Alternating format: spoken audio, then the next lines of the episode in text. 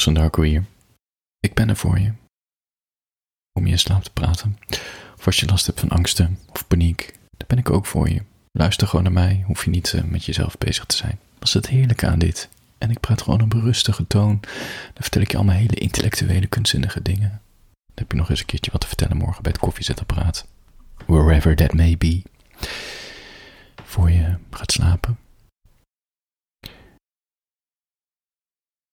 Het is best wel een gekke bekentenis, maar ik heb altijd het gevoel dat ik bekeken word. Zelfs als niemand er is. En het is een heel gek zelfbewustzijn wat me soms overvalt. Vooral als ik heel raar aan het doen ben. Nou, je weet wel, zoals op bed liggen, dan met je voeten in de lucht en dan je eigen kussen proberen hoog te houden, een beetje zo trappelend. Of dat je al wandelend door huis met je earpods in muziek luistert en dan zie je een spiegel en dan doe je zo je vuist zo bij je mond en dan begin je uh, te playbacken. En dan niet een beetje playbacken, maar echt de meest overdreven vorm te playbacken. En daarna voel ik altijd schaamte. Terwijl er is helemaal niemand die me ziet. En zelfs degene, geen idee, overbuurman of zo, die me zou hebben gezien. Boeien. Dat is best gek. Want ik ben thuis. Dat is de plek waar ik, uh, waar ik me het meest mezelf ben. Maar zelfs daar voel ik alsof ik bekeken word. Ik kan dat vroeger ook als kind. Tante was jong overleden. Ik denk dat ik in groep 3 zat. En ik denk vooral die jaren daarna. Toen ik met mijn hand in mijn broek ging. Met je liggend op bed. En je al meteen voelt van, oh, mag dit nou of niet? Nou, ik het idee dat ze naar me keek. Het gaf me een heel gek gevoel van veroordeling of zo, of schaamte. Zoals ik er nu aan denk. Waarom zou iemand, wat er ook is of wat ook meekijkt, een oordeel hebben als jij jezelf zit? Ik denk wel eens dat dat de, de invloed is van de christelijke cultuur. Dat idee dat een onzichtbare blik meekijkt en altijd met je, je altijd veroordeelt. Je voelt het gewoon, je weet, je weet waar ik het over heb, toch? En we zitten natuurlijk we hebben honderden, nou duizenden jaren in een christelijke traditie gezeten. En, en die traditie, dat is hameren op je gedragen naar de letteren van de Bijbel. Want anders krijg je geen toegang tot het Rijk van God. Dat, dat is, dat is het, de strenge boodschap van, van het christendom. Je hebt altijd het gevoel dat je zondig bent. Je mag niet te veel genieten, je moet vooral hard werken, genoeg bidden. Dat is helemaal die Calvinistische inslag die we hier in Nederland hebben. En ik weet dat zelfs als er iets bestaat, whatever that may be, dat ik me niet kan voorstellen dat het me veroordeelt. En toch heb ik het idee dat ik bekeken word en dat het een mening heeft, no matter what I do. Kijk, in publieke ruimtes snap ik het wel als je op straat loopt. Of in een hal zit, je voelt de blik van de ander ook al is iedereen met zichzelf bezig, je voelt het. En dat is natuurlijk het idee van je bent ook niet alleen. Dus pas je aan op straat en dat is ook goed. We moeten het met z'n allen doen. Het zou gek zijn als ik opeens mezelf ga bevredigen. Terwijl ik zit te wachten op mijn paspoort bij de gemeente Bali, snap je? Dat is gewoon, uh, helemaal niet praktisch. Of dat ik ga zitten pissen in een plant, dat, dat slaat nergens op. Of dat ik opeens ga schreeuwen, weet je? Prima, die blik is er. Het dwingt ons om ons te gedragen.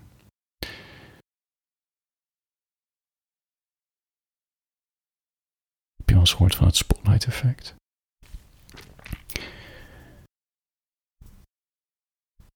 Dat is het idee dat mensen altijd het idee hebben dat ze bekeken worden door anderen in het openbaar. Dus stel nou je komt er na een half dag achter dat je gulp open stond, dan denk je dus dat iedereen dat gezien heeft. Of uh, weet ik veel, een gekke tompasna vlek of een mayonaise of, nou, sorry, curryvlek of zo bij, bij je lippen. Of als je je hoofd stoot tegen het bagagerek in een, in een bommeltreintje of in, in de bus. Dat heb ik dus wel gehad. Want ik, uh, nou ja, met mijn 1,88 is dat, uh, ben ik gedoemd om mijn hoofd. Overal. Ja, of mijn benen niet kwijt te kunnen. Ja, heb medelijden. Dat spotlight effect blijkt dus dat bijna niemand op je let. Er let wel een percentage op je, maar het is veel minder dan je denkt. Dat komt doordat iedereen met zichzelf bezig is. Iedereen denkt van wie kijkt er naar mij en niemand denkt van oh zal ik eens even naar die ander kijken. Dus iedereen is uiteindelijk met zichzelf bezig. En dat is een troostvolle, maar ook een treurige gedachte. Maar het laat die stem niet in mij verdwijnen. Je wordt gewoon bekeken. Als je een dansje doet met je broek op je enkels bij de wc-pot. Als je een luchtgitaar oppakt en op een stoel gaat staan en je vingers in de lucht steekt om contact te maken met het publiek dat er niet is. Als je je borsten en piemels tekent uit verveling op een papiertje met een potlood. Ik heb altijd het gevoel dat ik bekeken word.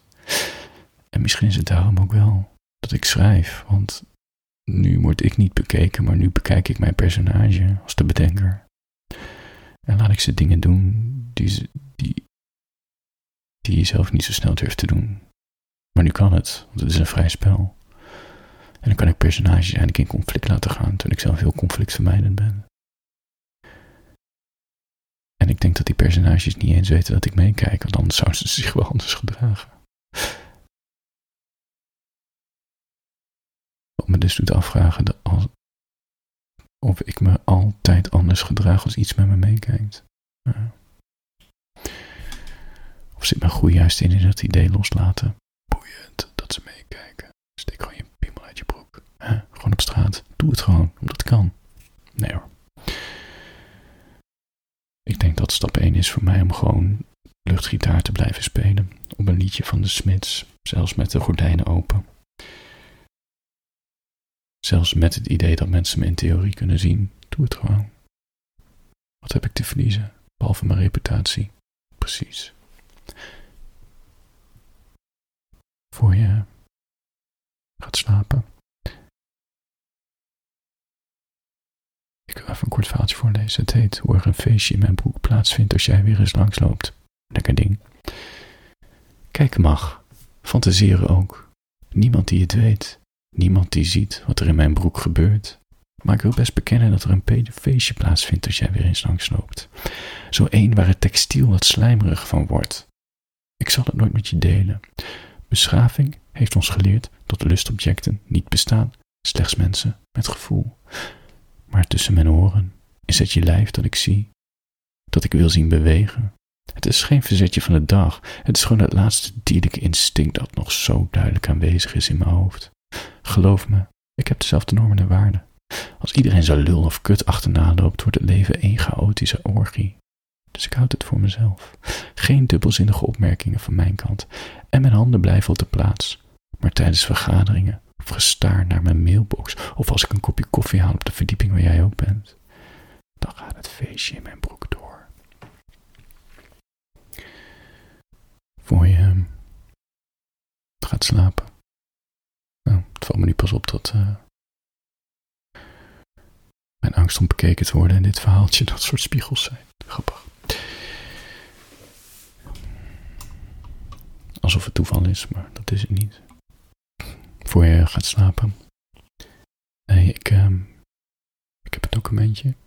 Er zit ik al mijn ideetjes in om te bespreken. En dan mijn korte verhaaltjes heb ik er ook in verdeeld. En dan zoek ik het een beetje met thema op. Alleen ik spreek het op een ander moment in. Uh, dus nu zit ik mijn documentje te bekijken en denk ik, oh, ben ik toch een slimme jongen. Dat het zo thematisch verbonden is met elkaar. Kortom, ik steek gewoon een veer in mijn eigen kont. Oké. Voor je gaat slapen. Iemand moet het doen. Je hebt, um, ken je Breaking Bad, die serie? Een paar jaar geleden, iedereen keek het. Ik kende die serie al, al voordat het op Netflix stond en het in hit werd. Ik had namelijk een um, film 1 abonnement en dan kon je ook al on-demand kijken. Dat was eigenlijk voordat de on-demand hype begon, had bood film 1 dat al aan. Wat me doet afvragen waarom ze dat niet gewoon, hoe, ze, doen ze dat, laat ik het zo zeggen. Het product klopte, on-demand. En dan zie je, je kan zelfs het beste idee hebben. Je kan misschien drie jaar eerder dan iedereen Facebook bedacht hebben. Maar het is toch de uitvoering en branding die maakt dat iets een succes heeft. Want Film 1 had al die topseries en een prima on-demand dienst, geen app. Ik denk dat dat een fout was die ze gemaakt hebben. Maar je kon wel op je tv zo met je afstandsbediening al die series uh, opzoeken. Die een paar jaar later allemaal op Netflix stonden. Um, stond erop. En, uh, die zombie serie. Walking Walking Dead. Weet hij zo? En heel veel films. En ook heel veel arthouse films, maar ook grote films. Ja, het was een leuk abonnementje. Goed, daar, toen keek ik al Breaking Bad. En uh, later keek iedereen het via Netflix. En toen moest die laatste seizoen nog uitkomen. Toen werd het een groot hit. Whatever. Breaking Bad. Ze hebben een spin-off gemaakt. Die heet Better Call Saul. En oh my god. Het is echt, ik vind hem, ja, het spijt me zeer als je Breaking Bad fan bent. Breaking Bad is ook vet. Maar je ziet, die makers hebben in Better Call Saul een stijl, een manier van een verhaal vertellen. Het filmen, het, het, het is naar een hoger niveau gekomen. Er zit minder actie in Better Call Saul. En ik vind dat fijn. Ik vind actie leuk, maar ik ben niet zo'n ja, ik ben ook niet van superheldenfilms, weet je. Uh, leuk dat af en toe eens een auto ontploft, maar het voor mij niet, uh, voor mij niet uh, elke, elke aflevering, begrijp je? En bij de console is veel minder. Het zit al suspense in, maar veel minder gewelddadig. Goed, het gaat over Saul Goodman. Um, Saul Goodman, we zien hoe Saul Goodman Saul Goodman is geworden. Saul Goodman is die hele gekke advocaat in Breaking Bad. Breaking Bad gaat over een scheikundeleraar die uh, kanker krijgt en uh, ziet dat hij geen geld heeft en hij is bang dat hij doodgaat en hij wil zijn familie goed achterlaten. Dus die besluit uh, drugs te gaan maken, te koeken. en we volgen het pad. Ja, want het gaat natuurlijk, je wordt niet zomaar een crimineel. En dan krijgt hij hulp van een beetje gekke advocaat, Saul Goodman. Echt een hele gekke vent. En in de serie Better Saul, dat speelt zich voor Breaking Bad af. En dat gaat over deze advocaat. En hij heet niet Saul Goodman, dat is een naam die hij heeft aangenomen. Hij heet Jimmy McGill. En het is echt heel, ja, het is echt heel menselijk, want we zien Jimmy, hoe die in de voetsporen probeert te treden van zijn broer Chuck. En zijn broer Chuck is een slimme, succesvolle advocaat. Weet je, eigen advocatenkantoor. Iedereen kent hem, goede reputatie. Bekend om zijn precisiewerk, zijn uitstekende kennis van wetten. En die staat voor rechtvaardigheid en discipline. En Jimmy is dat juist niet. Hij is meer een, een, een ja. Als je met een slimme truc kan krijgen wat je wil, wie maakt zich dan druk om wat juist is, snap je? Zijn hart zit op de juiste plek, begrijp me niet verkeerd. Maar hij neemt het allemaal niet zo nauw met regeltjes en, en heeft mensen graag voor de gek. En heeft in het verleden ook mensen afgezet met allemaal van die gekke... Ja, het is echt een con man. Ken je dat? Een, iemand die de boel bedriegt. Die, uh, ja, die je laat geloven dat hij de, de een of andere rijke sheik is. Dat is niet zijn niveau, maar je begrijpt wat ik zeg. En deze serie zien we dat Chuck en Jimmy een enorm ingewikkelde relatie hebben. Het is echt, het is bijna het pure Shakespeare. Het is echt een haat-liefde Want ze kunnen niet met en ze kunnen niet zonder elkaar. Chuck zit ziek thuis. Hij heeft een, ziekte dat hij allergisch is voor elektriciteit. Al wordt er door velen getwijfeld of die ziekte echt bestaat en of hij niet tussen de oren zit. Maar Jimmy oordeelt niet over hem. En hij is om hem te helpen. En ijsklontjes mee te nemen. Want je kan natuurlijk niet de vriezer in stroom stoppen als je allergisch bent voor stroom. Dus elke keer ijsklontjes en drankjes in doen en vlees en eten. En tegelijkertijd is die Chuck dankbaar dat Jimmy hem meldt, maar het kan het ook niet laten om altijd weer Jimmy naar beneden te praten. Omdat hij gewoon niet zo hoge pet op heeft van Jimmy. Omdat Jimmy gewoon nooit de wet helemaal heeft gevolgd en altijd alles op zijn eigen manier doet en eigenlijk alles is wat Chuck niet is. En er vindt een hele boeiende strijd plaats in die eerste drie seizoenen. En het is ook heel, het is dramatisch en het is heftig. En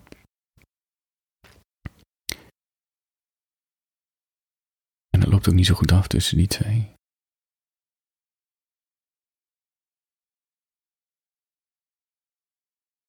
Chuck probeert Jimmy naar bij te naaien. Ik ga niet spoilen. Jimmy probeert Chuck erbij te naaien. Chuck weet dat Jimmy hem bij heeft genaaid, alleen niemand gelooft hem. En ja, dat is schijnend om te zien. Maar wat deze serie zo vet maakt is.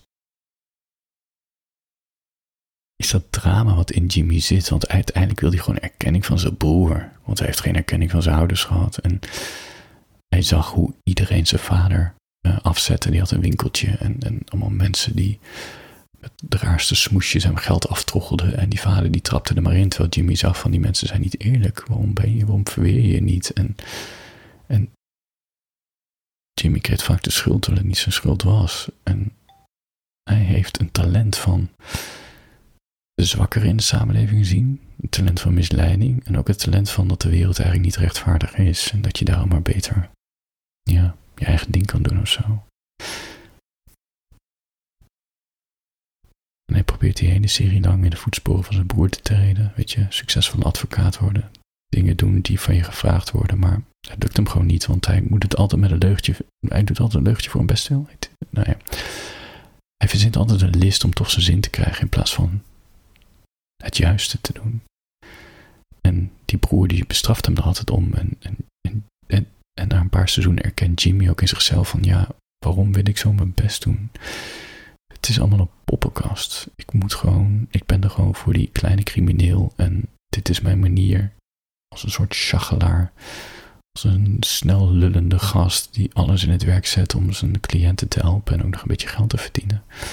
Hij wordt gewoon Saul Goodman. Eigenlijk een slechterik. Ja, het is, een mooie het is mooie metamorfose. Maar je ziet ook als hij de slechterik is, eigenlijk die slechte advocaat, dat het natuurlijk helemaal de andere kant op slaat. En, en dat is de ontknoping van uh, de serie. Nee, de, uh, ja, hij verliest de liefde van zijn leven daardoor. En op het eind ziet hij het pas in. Net zoals Walter White op het eind van Breaking Bad pas inziet wat de gevolgen zijn van zijn daden. Dat hij pas inziet dat hij echt aan de slechte kant zit. Ja. De serie staat op Netflix. Ik, ik raad het je echt aan. Het is rustiger, minder gewelddadig. Het is heerlijke slow tv. Echt eh, niet met je telefoon erbij gewoon. Kijken naar die shots, naar die personages, naar hoe die scènes zich ontvouwen. Lach af en toe. Het is echt heerlijk.